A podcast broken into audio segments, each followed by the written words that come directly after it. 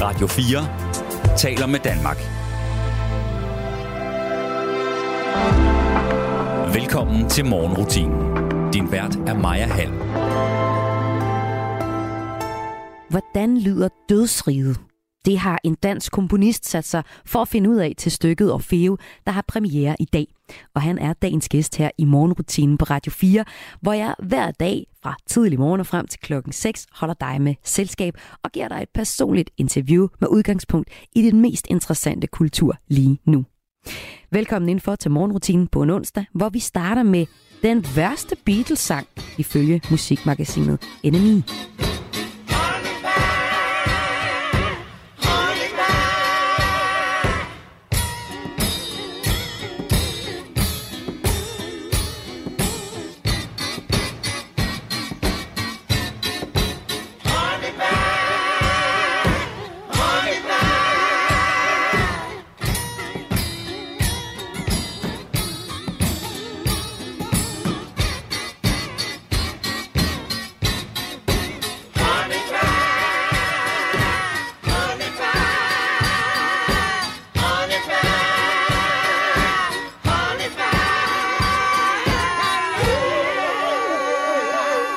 Wild Honey Pie med The Beatles.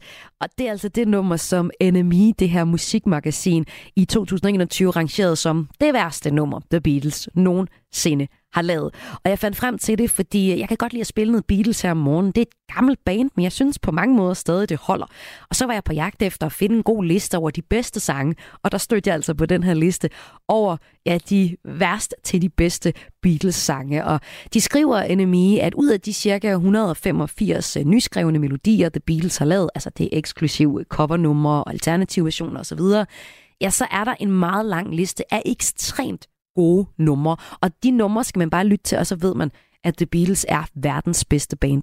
Men på den her liste, så er der jo altså også de værste sange, som NME mener, at The Beatles har lavet. Jeg synes ikke, det er helt fair at tage det her Wild Honey Pie nummer med egentlig, fordi det er sådan et eksperimentelt nummer. Det er sådan et lille to minutters mellemspil, der ligger på The Wild Album. Og jeg synes egentlig bare, at det er meget sjovt at høre det her nummer, som Paul McCartney har lavet. Om lidt øh, så får du godt råd fra Tove Ditlevsens brevkasse, og så får jeg også besøg af dagens gæst her i morgenrutinen, som har komponeret musikken til dødsriget. Men jeg synes nu også lige, at du skal have det nummer, som NMI mener er det bedste Beatles-nummer. Du er altid velkommen til at skrive ind til mig her på Radio 4's morgenprogram Morgenrutinen. Hvis du har en kommentar, for eksempel til de Beatles-numre, jeg er i gang med at spille for dig, du kan sende mig en besked på sms 1424. Og skriv endelig lige, hvorfor du er op nu. Hvorfor er du så tidligt op? Jeg vil vildt gerne høre, hvem der egentlig sidder klar ved sin radio her mellem 5 og 6. Og så til det bedste Beatles-nummer. Ifølge NMI. Ikke følge mig. Nej, nej, det er noget andet. Det tager vi en anden dag. Det er nummeret Tomorrow Never Knows fra 68. NME skriver, at øh, det var måske det mest indflydelsesrige nummer af alle, og det er derfor, de har valgt det som det bedste af alle Beatles-numrene. De skriver, at de forsøgede på at genskabe lyden i Lennons hoved af munke, der sang, øh, og for at akkompagnere, akkompagnere øh, linjer fra den tibetanske Book of the Dead, så eksperimenterede bandet med loops, sampling og drone- og båndmanipulation, og skabte så indbegrebet af psykedelisk musik. Døm selv, her er det Tomorrow Never Knows fra Revolver fra 1966 med The Beatles.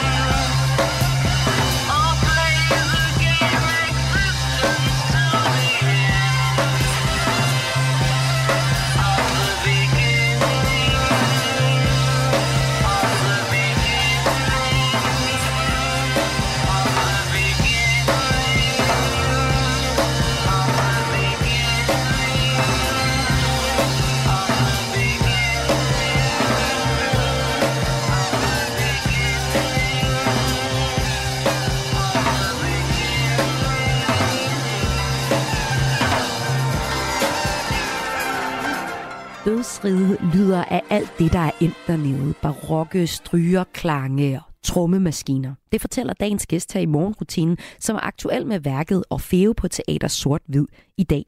Men inden vi skal høre mere om det, så skal du have et godt råd fra Tove Ditlevsen.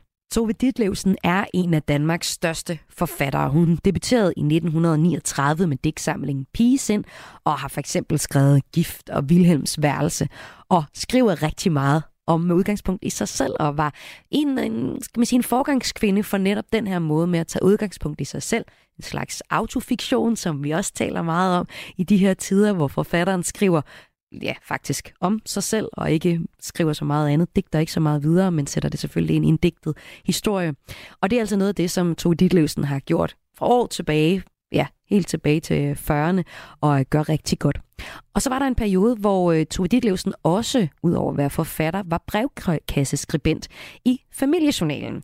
Og øh, som forfatter, Josefine Klogart skriver i foråret til den samling af alle de breve og svar, som hun har skrevet, så er brevkassen en fortælling om, hvad det vil sige at være menneske.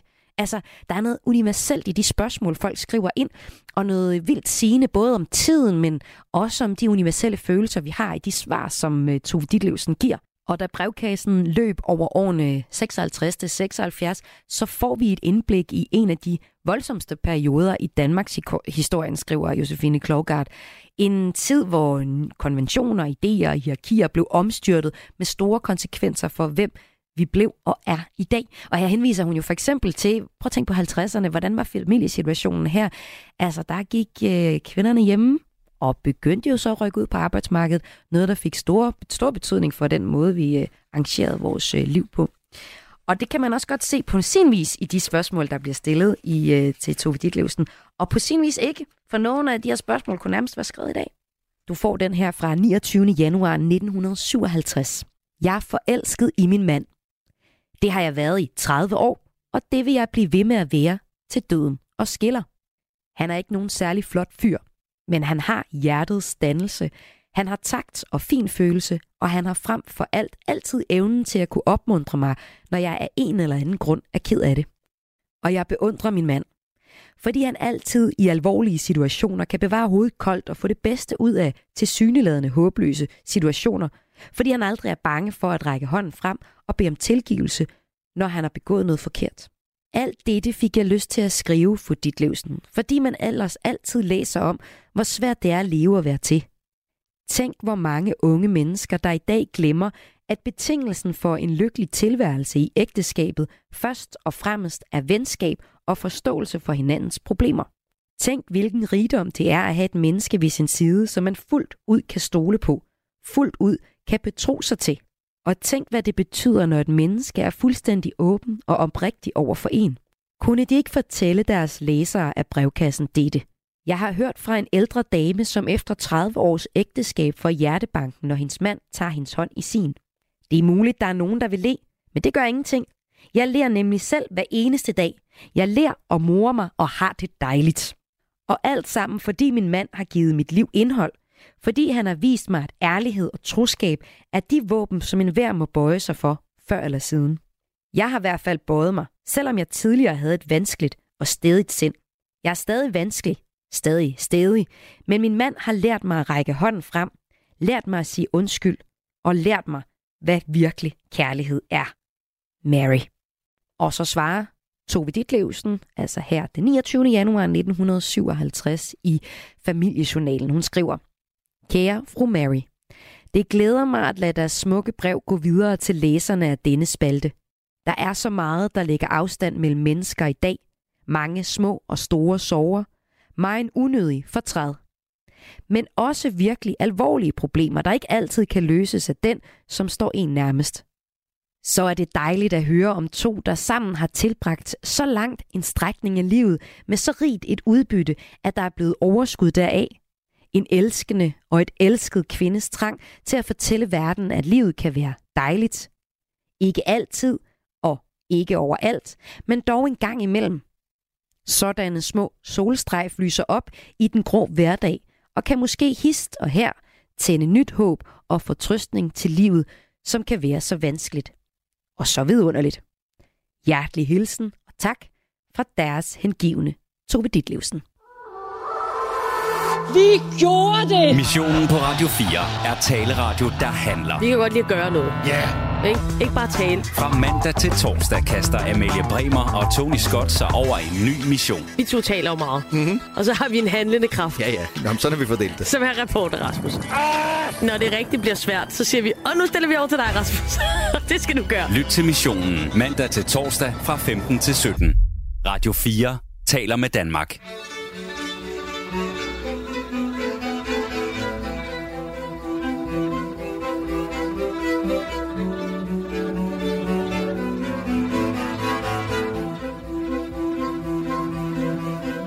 Fuck det, nu vælter solen ind Og fortryller alle støvkorn på min bordplade. Det er helt okay at være til. Luften sidder, når jeg rører ved din overflade. Det er weird at tænke på, du er en anden, så jeg prøver at lade være. Men du er ligeglad med, hvad det ligner, det er kun vigtigt, hvad det er.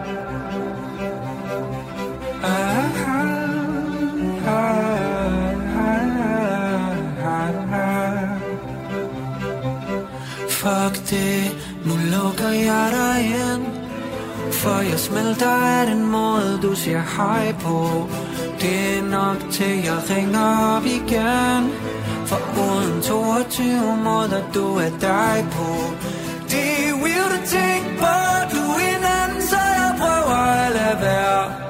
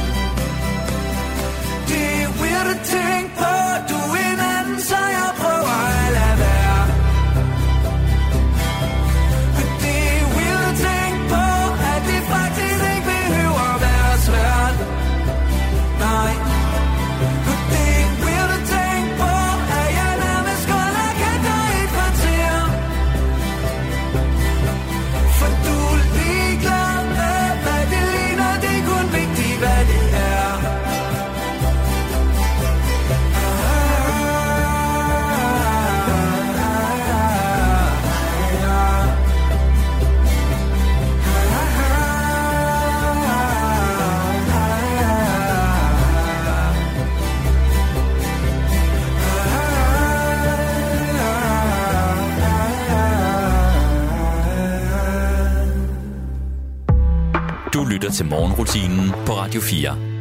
Dagens gæst i morgenrutinen har jeg nu fået besøg af. Det er dig, komponist Rasmus Twiggy. Velkommen til. Tak skal du have. Du er aktuel med stykket Orfeo på øh, Teater Sort Hvid, hvor du har komponeret musik til dødsriget. Og hvordan det lyder i dødsriget, er jeg ret interesseret i at høre om, derfor har jeg inviteret dig ind. Men øh, først kunne jeg godt tænke mig lige at høre, hvad er det for et stykke, jeg har sat op på Teater Sort Hvid? Jamen, det er faktisk en øh, genkomposition af et oldgammelt værk, en opera, der hedder Orfeo, som øh, italieneren Monteverdi, Claudio Monteverdi, har skrevet for flere hundrede år siden. Og du er så komponist på det her stykke. Altså, du har komponeret lyden til dødsriget, men hvordan har du sådan arbejdet med, med stykket her? Jamen, jeg har både arbejdet med at genarrangere, genkomponere øh, nogle af de oprindelige sange fra operan, og så har vi øh, det sidste lange stykke tid her øh, simpelthen skabt en ny forestilling ud af det sammen, øh, Christian Lollicke og, og hele teamet og jeg, hvor jeg har skulle skrive nye sange øh, til dem, der bor i Christian Lollickes dødsrige, og øh, lave en masse lyddesign, som som også er med til at skabe den rigtige stemning. Og det er noget med, at det har været lidt anderledes, end når du normalt arbejder. For øh, Christian Lollicke, som altså har skrevet teksten til øh, stykket her, kunne godt finde på at sende dig noget sådan lidt øh, sent, kunne jeg forstå. Jo, altså det er jo... Det, Teater skal vi ikke kaste nogen under bussen. Det er overhovedet ikke det, jeg er ude i, Rasmus. Nej, nej men det, det, det kunne jeg heller aldrig finde på. Jeg har været super øh, inspireret og glad for, for samarbejdet her. Teater Sort-Hvid laver opera på en anden måde, end man gør på operahusene og andre steder, hvor komponisten ofte vil få øh, den samlede libretto sådan et, et helt år til et halvt år før øh, libretto, premieren. Hvad er den der? Libretto, det er teksten til operan, mm. det, alt det, som skal synges. Ja. Og så sidder man der og, og har et, øh, et års tid eller et halvt til at, at få det til musik. Men her, der, der taler vi jo om, øh, om en, øh, en instruktør, som er øh, berømt og berygtet for at øh, tingene opstår i samspil med performerne, og at de opstår i, i prøveforløbet. Så øh, det har været en rimelig ny oplevelse at skulle være komponist i det, og altså få du ved, tekster med løbende hjem, øh, som, øh, som øh, karaktererne opstod til prøverne, og så, øh, og så være færdig med prøverne kl. 18, og så hjem og sove, og så stå op igen ved, trætiden og lave et par sange og have med til, til de næste prøver. Øhm. Det lyder som en helt speciel oplevelse, og jeg glæder mig til at høre mere om øh, værket, som du altså har været kommunist på, Rasmus Twiggy. Tak ja. fordi du er kommet med her i morgenrutinen.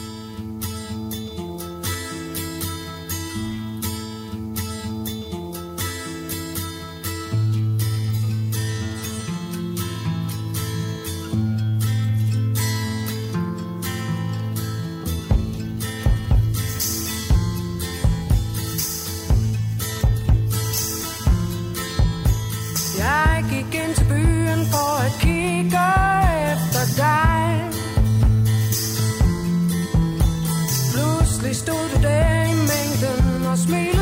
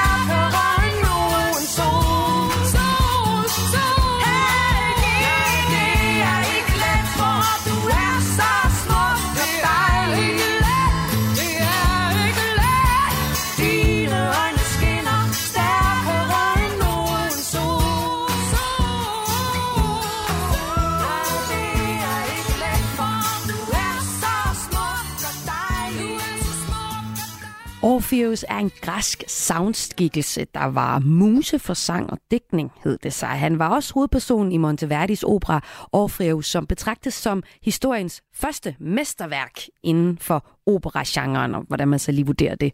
Det er der nok nogen andre end mig, der skal vurdere, men det kunne jeg læse mig til. Og sammen med myten om øh, Orpheus og øh, Eudyrk, hvad hedder det? Eudyrk? Eurydikke på dansk. Eurydikke, ja.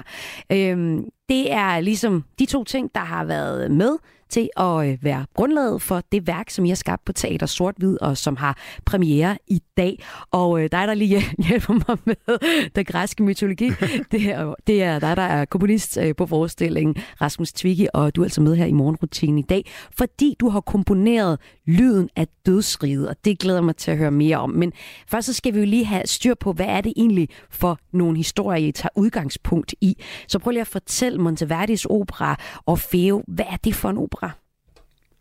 Jamen, det er operan baseret på den her gamle græske myte om øh, manden, som kunne betvinge alt med sin musik og sin lyre, øh, som så mister sin øh, elskede, som dør, og så øh, beslutter sig for at tage ned i dødsriget og hente hende op igen.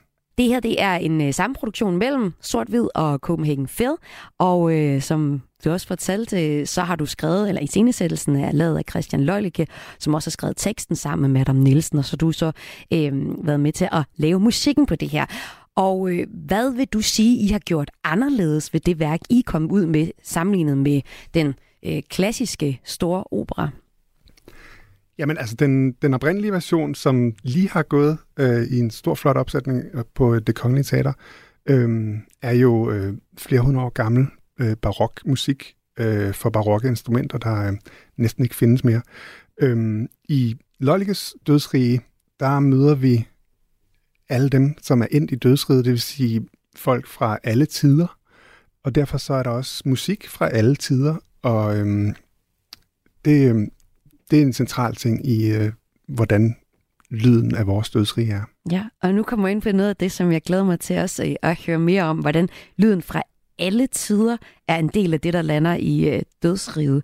Men jeg skal også lige forstå, hvad det er for en oplevelse at øh, se den her forestilling. Jeg kan læse mig til, at det er vigtigt, at publikum er klædt i sort tøj, og at man kan bevæge sig rundt i installationen, står der så. Altså siger man engang, er det en opera, er det et teaterstykke, eller er det installationskunst, som I har lavet på Teater sort -Hvid? Jamen, det er simpelthen bare et dødsrige, som øh, vi det. inviterer folk ind i, og øh, så kan de på egen hånd navigere rundt i dødsriget, men så, øh, så sker der også noget på et tidspunkt, hvor man får historien fortalt. Og vi skal høre lidt af musikken, som du har komponeret til det her værk. Øh, og så skal vi høre, hvordan du har arbejdet med at lave netop den musik. I got my peaches out in Georgia. Oh yeah, shit. I get my weed from California. That's that shit. I took my chick up to the north, yeah. Badass bitch. I get my light right from the source, yeah. Yeah, that's it. And I see you. Oh. The way I breathe you in. It's the texture of your skin. I wanna wrap my arms around you, baby, never let you go. Oh. And I see you. There's nothing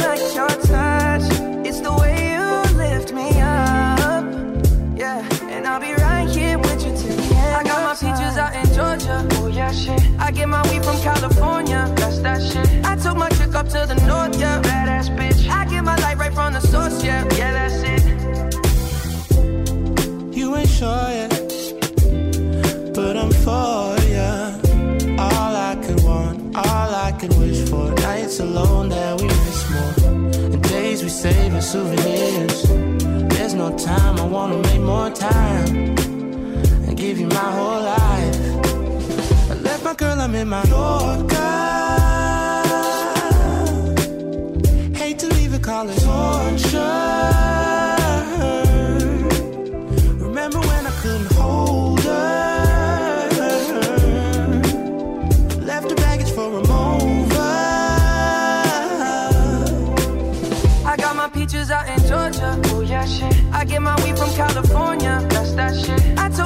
to the north, yeah. Badass bitch. I get my light right from the source, yeah. Yeah, that's it. I get the feeling, so I'm sure. And in my hand because I'm yours. I can't, I can't pretend, I can't ignore you right from me. Don't think you wanna know just where I've been. Oh. Don't be distracted. The one I need is right in my arms. Your kisses taste the sweetest with mine, and I'll be right here with you till the end. I got my stay oh, yeah, shit. I get my weed from California, that's that shit. I took my chick up to the north, yeah. Badass bitch. I get my light right from the source, yeah. Yeah, that's it. I got my peaches out in Georgia, oh yeah, shit. I get my weed from California, that's that shit. I took my chick up to the north, yeah. Badass bitch. I get my light right from the source, yeah, yeah. I got my peaches out in Georgia, oh yeah, shit. I get my weed from California, that's that shit. I took my chick up to the north, yeah. Badass bitch. From the source, yeah. Yeah, that's it. I got my peaches out in Georgia, oh yeah, shit. I get my weed from California, that's that shit. I took my chick up to the north, yeah. Badass bitch. I get my light right from the source, yeah. Yeah, that's it.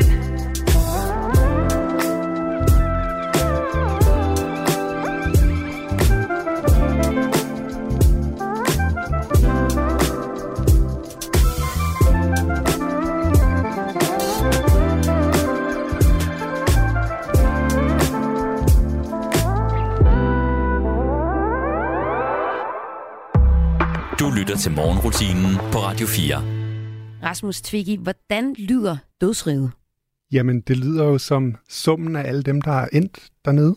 Øhm, Og du har netop komponeret og arrangeret musikken til Orfeo på Teater Sort-Hvid, der har premiere i dag. Altså summen af alt det, der er endt dernede. Hvordan gik du til opgaven med at skulle komponere den her musik? Det skulle være en ny komposition. Jamen, det som vi havde at starte med, øh, før der egentlig var Øh, altså, decideret tekst til de sange, der skulle laves, det var, øh, udover den oprindelige myte, så var det, øh, så var det teaters og Christian Lollikes idéer om, øh, hvad det er for nogle personer, som vi særligt kommer til at møde i, øh, i deres dødsrige, og som, øh, som vi bliver lidt klogere på, når vi øh, går rundt og, og udforsker det. Øh, så det vil sige, der var, der var nogle karakterer, nogle personligheder, øhm, som, som jeg kunne begynde at gøre mig en idé om, hvad, hvad deres musik var, øh, og måske også, hvad for, en, øh, hvad for en tids musik, de har taget med derned og sådan noget. Hvem er det for eksempel? Jamen, der er både øh, folk, som øh, hvad skal man sige, arbejder i dødsriget, som, som nogle af dem, der, der formidler øh, de døde over i dødsriget. Så er der nogen, der har øh, groet fast. Der er en, der er en, en, en, en stor svampevækst, øh, som, øh, som er ved at brede sig ud i en stor del af dødsriget. Og der er andre spændende mennesker, som en billedhugger, der er helt besat af øh, Orfeo som den perfekte kunstner, som han prøver at leve op til i sit eget hoved, og så videre. Og vi kan prøve at høre lidt fra øh, en prøve. Ja, det kan vi godt.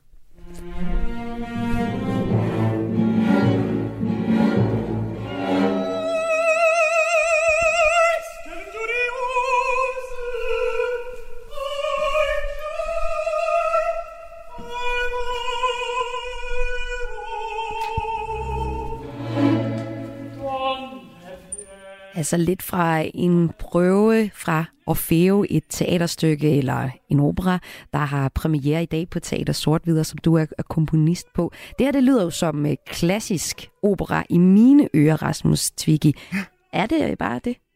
Ja, det lyder ikke som uh, Monteverdis oprindelige værk, men det lyder som måske som, uh, som den, vi har lyttet, hvis den var blevet skrevet i starten af 20. århundrede eller, eller sådan noget. Mm. Uh, her er Monteverdis originale melodi sat i en lidt min, mere um, uh, sådan uh, nutidig klangverden.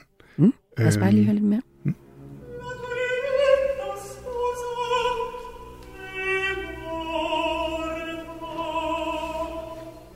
Og hvordan er den mere nutidig, den her lyd? Ja, øh, nu hørte vi ikke lige der, hvor den blev mere nutidig, men, er klart. men jeg kan da Jeg male kan det det for på dig. igen, ja. Øhm, Men prøv at fortælle sig, så, så, øh, så holder vi munden, når den bliver mere nutidig. Skal vi ikke prøve det? jo, det er nok øh, sidst i filen, hvis jeg Mm?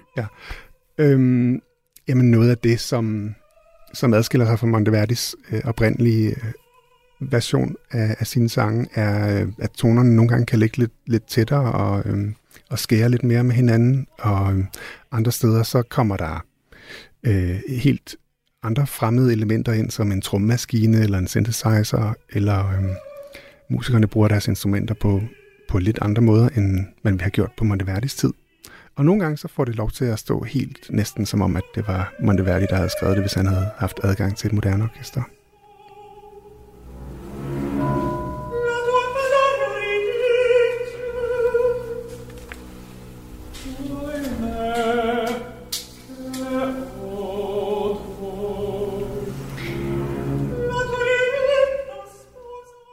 Ja, og øh, det var altså et lille klip fra øh, i prøven til Orfeo, som har premiere i dag. Du har også sendt mig et øh, stykke, der hedder Digteren. Hvad er det for noget, vi skal prøve at høre? Ja. Jamen, det er et eksempel på det her med, at der, man møder nogle, øh, nogle karakterer, som er endt i dødsriget, som er ligesom fanget i deres egen lille øh, sådan traumatiserede oplevelse, de hænger fast i. Øh, og digteren har et rum, hvor, øh, hvor digteren ligesom sidder fast i sine ord. Øhm, og det kan man høre lidt på noget af den musik, jeg har lavet til digteren. Lad os prøve at høre lidt af det.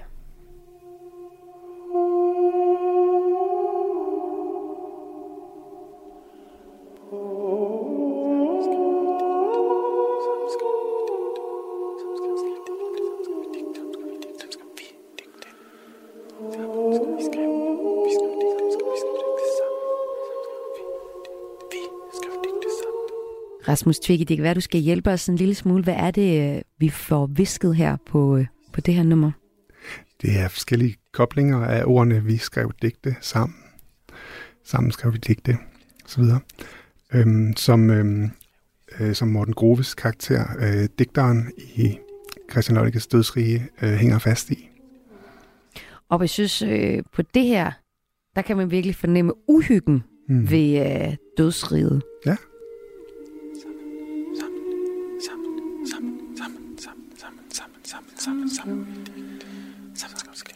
Men er der egentlig uhyggeligt i øh, det dødsrige, I har i jeres værk, og Fæve? Jamen, det er jo interessant. Altså, øh, der er i hvert fald, øh, der er i hvert fald mange af de, øh, de ting, vi forbinder med, med, med døden, og, øh, og så er det jo tit op til, til de enkelte, om de, om de synes, at døden er uhyggelig, eller man måske har et mere, mere afklaret eller anderledes forhold til, hvad, hvad døden kan være, men, øhm, men ja, der er ikke, der er ikke sådan fredagshygge i, øh, i vores dødsrige. Har du selv forholdt dig til døden? Ja, altså jeg har jo levet et liv som så mange andre, og, og mistet folk, og været tæt på døden på den eller anden måde. Øhm, så jeg føler mig forholdsvis fortrolig med den. Og hvordan har du brugt det i øh, musikken? Måske har jeg kunne komponere den lidt mere, øh, lidt mere fleksibelt i, min, øh, i mit perspektiv på, øh, på emnet, end, end sådan den traditionelle sådan skrækken for døden musik eller sådan noget. Så øh, der, der er flere nuancer i musikken, tror jeg. Og den musik kan man jo altså høre, hvis man smutter ind på Teater Sort-Hvid i København og ser Orfeo, som øh, har premiere i dag, og som du har komponeret musik til, Rasmus Tvigge. Tusind tak, fordi du var med her i morgenrutinen. Det er så lidt. Jeg sender dig lige afsted med et lille fun fact om dagen i dag. Skal det handle om studenteroprør eller The Simpsons? Hvad er du mest til? studenteroprør. Okay. I 1968, i dag præcis, der var der 100 psykologistuderende, der starter det danske studenteroprør ved at besætte psykologisk laboratorium på Københavns Universitet. Er det ikke vildt at tænke på? Jo. Og hvis man så var til The Simpsons, så kan jeg sige, at i 87, der var det første gang, man kunne opleve øh, det på amerikansk tv. Men det er ikke lige, det er ikke noget, du er så stor fan af. Det er okay. okay. Tusind tak, for at du var med. Du må have en god morgen. Tak lige med. Let's go, girls. Come on. I'm going out tonight. I'm feeling alright. Gonna let it all hang out. Wanna make some noise. Really raise my voice. Yeah, I wanna scream and shout.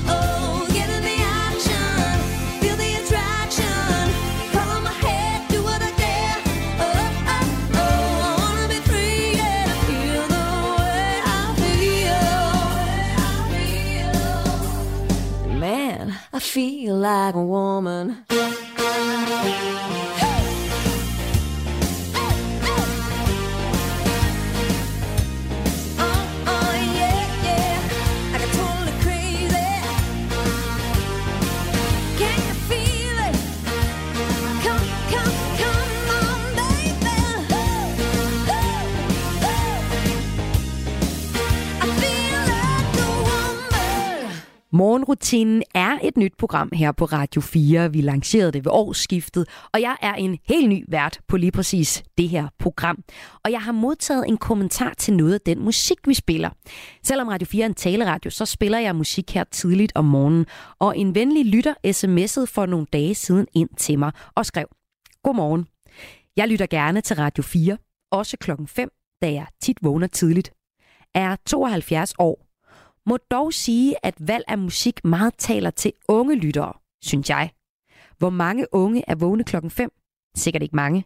Mere sandsynligt, at det er voksne og ældre. Hver gang der kommer musik, skruer jeg ned. Kunne der komme et musikvalg, der nu og da også tænker på andre end unge? Venlig hilsen, Ole.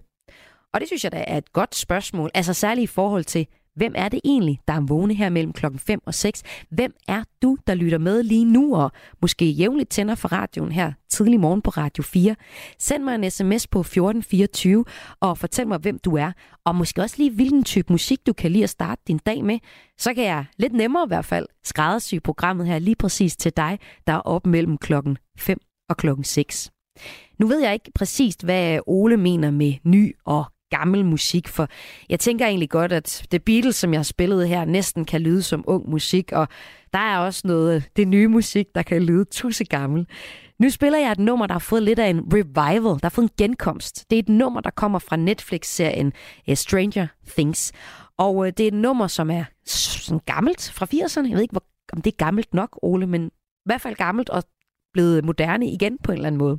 Filmflex.dk har samlet de 10 mest sete serier på streamingtjenesten Netflix.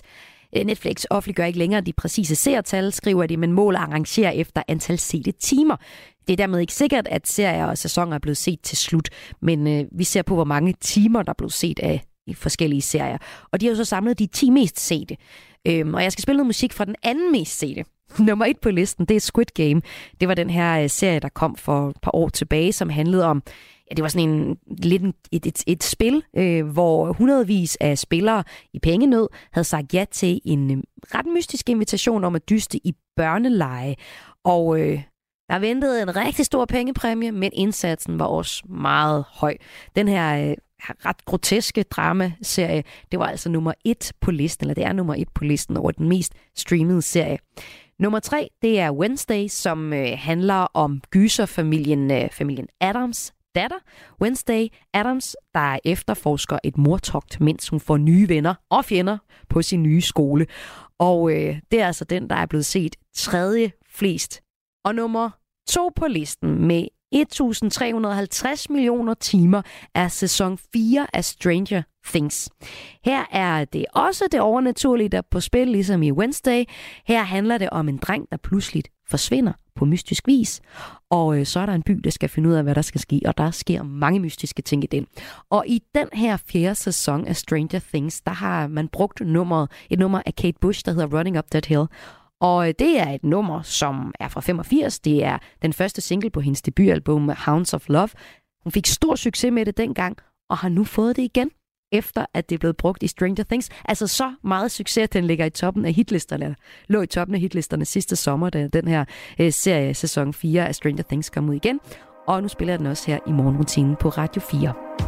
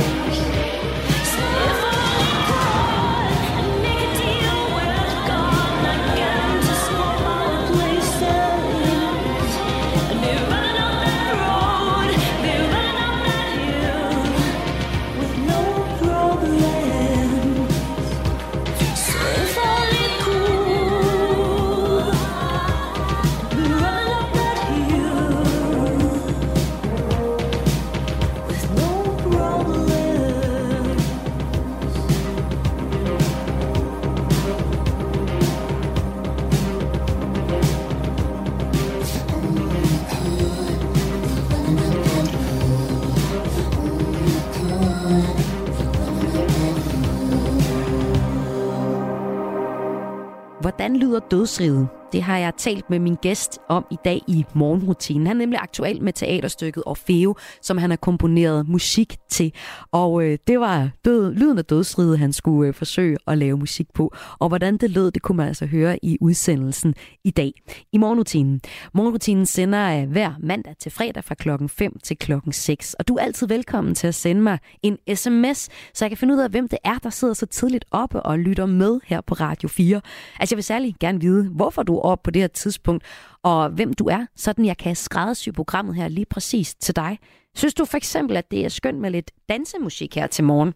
Altså, nu spiller jeg i hvert fald noget David Bowie med Let's Dance, og når vi har hørt det nummer, så får du her klokken 6 et nyhedsoverblik her på Radio 4. Ha' en rigtig dejlig morgen.